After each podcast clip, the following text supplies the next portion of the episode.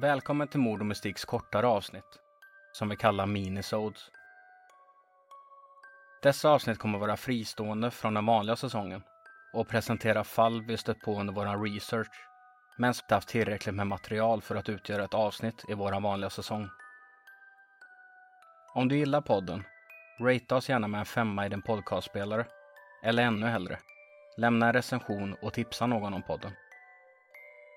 Om du vill rekommendera fall eller komma i kontakt med oss finns vi på Instagram där vi heter Mord och Mystik.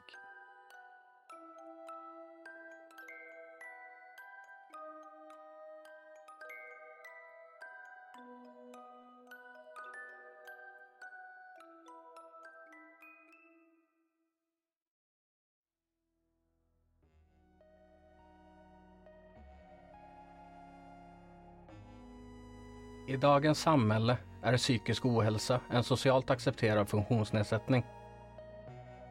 Men genom historien har mentala problem ofta ansetts vara något att likna vid djävulens verk.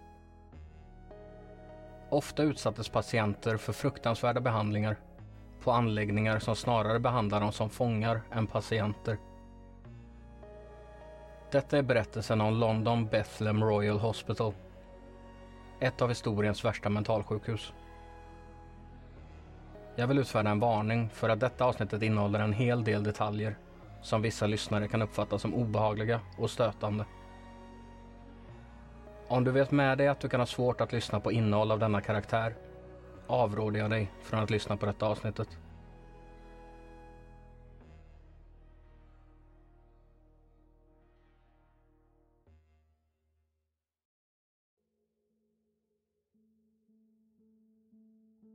London Bethlehem Royal Hospital grundades år 1247. Det skapades ursprungligen för att fungera som ett insamlingscenter men övergick så småningom till att bli ett sjukhus för de som på denna tid kallades för mentalt galna.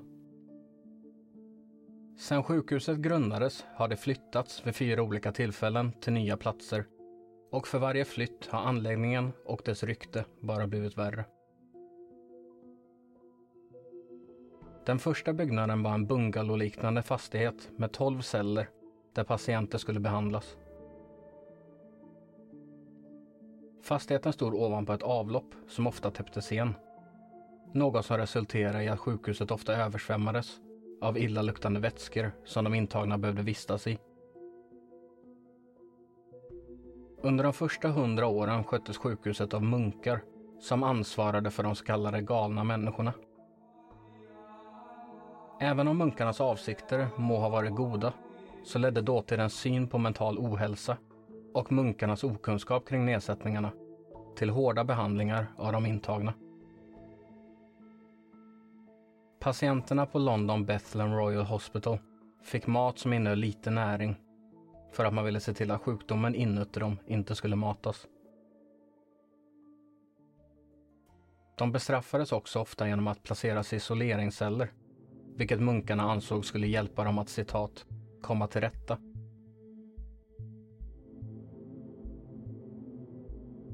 Efter sjukhuset flyttat första gången byttes ägarna och sjukhuset skulle istället skötas av Londons stad.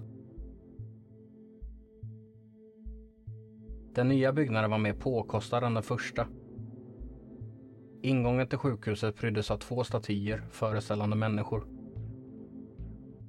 Den ena föreställde melankoli och den andra galenskap. Och i folkmun kallades det nyöppnade sjukhuset för Palatset för galningar.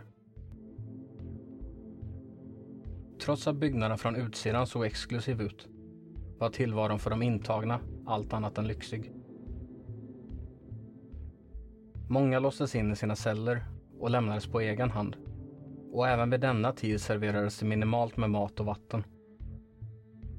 Dessutom var sjukhuset öppet för allmänheten med syftet att åskådarna skulle kunna komma in och kolla på patienterna som en slags underhållning.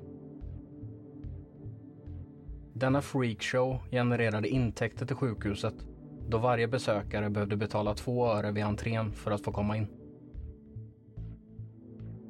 Väl där inne fick de gå runt som de ville, helt obevakat. Och de som jobbade på sjukhuset satte ut de patienter som ansågs vara mest lämpade för utställningen. Många av dessa fick medverka på denna utställning mot sin vilja.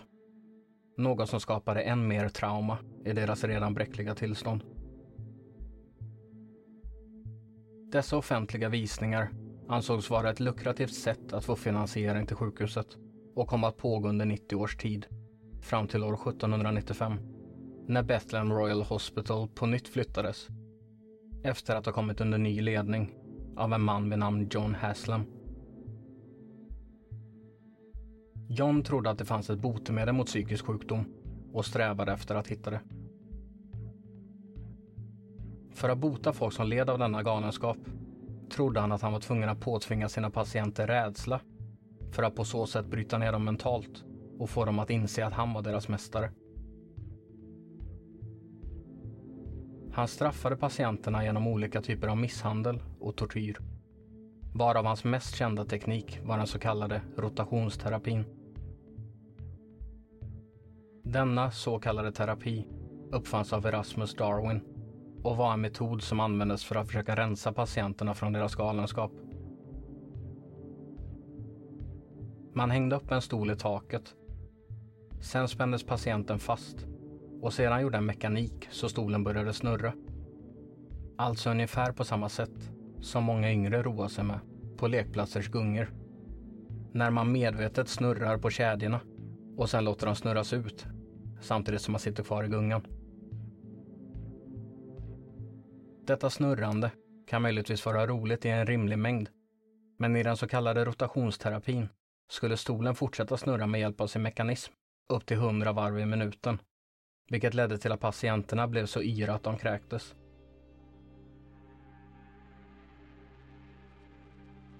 Kräkningarna var det som var målet med den så kallade terapin. Då John Haslam trodde att detta hjälpte att rena patienterna från sin galenskap. År 1814 fick Bethlehem Royal Hospital besök av filantropen Edward Wakefield. Vid sitt besök upptäckte Edward en patient vid namn James Norris som satt fastkedjad i sin cell. Hans kedjor hade sedan kopplats genom väggarna in till ett angränsande rum där personalen satt. Varje gång personalen ansåg att James inte skötte sig ryckte de i kedjorna så att han åkte med en smäll in i väggen. Edward kunde inte tro sina ögon. Han frågade hur länge James hade suttit fastkedjad på detta vis. Varpå de svarar mellan 9 och 12 års tid. När Edward exponerade sjukhusets hemska metoder för allmänheten skapade stor uppståndelse och resulterade så småningom i att John Haslam fick sparken år 1815. Detta gjorde att Bethlehem Royal Hospital på nytt flyttades till en ny byggnad och fick ändrade behandlingsmetoder. Tack vare läkaren William Hood, som blev tillsatt att jobba i den nya lokalen, blev många av patienterna befriade från den tortyr de utsatts för och fick nu istället en rad av nya behandlingstekniker som syftade till att rehabilitera de intagna. På 1930-talet var det dags för Bethlehem Royal Hospital att flytta för sista gången till Beckinghams landsbygd. Där är sjukhuset fortfarande verksamt, än idag. Trots att anläggningen i nutid har betydligt bättre behandlingsmetoder och ryktet därmed successivt har förbättrats ger sig dåtidens tortyr som de intagna utsattes för sig fortfarande påmint. Senast då man upptäckte en massgrav bara några meter från där sjukhuset först legat. Man hittade 4 000 döda kroppar från patienter som begravs på platsen efter att ha avlidit på anstalten efter det de utsattes för. I nutid har synen på psykisk ohälsa genomgått en betydande transformation, vilket återspeglar en ökad medvetenhet och förståelse för att varje människa är unik och därför står inför individuella utmaningar. Förr i tiden präglades samhällets syn på psykisk ohälsa ofta av stigmatisering och missförstånd. Något som ledde till att många drabbade höll sina upplevelser i det tysta. Av rädsla att uppfattas som galen av sin omgivning. Men med tiden har en förändring skett och samhället har börjat inse vikten av att bryta tystnaden och att därmed skapa en öppen dialog där man har rätt att uttrycka sina problem utan att riskeras att dömas ut av samhället. Men trots dessa framsteg finns det fortfarande mycket kvar att göra. Det krävs en fortsatt insats för att bekämpa kvarvarande stigmatisering och säkerställa att människor får adekvat vård och stöd. Men genom att reflektera över nutidens syn på psykisk ohälsa och den förbättring som skett genom åren kan vi vara hoppfulla om en framtid där varje individ kan uppleva en större förståelse, medkänsla och stöd när det gäller sin mentala hälsa. Du har lyssnat på Mord och Mystiks minisode. Hoppas du gillat avsnittet. Ta hand om dig så hörs vi snart igen. Godnatt.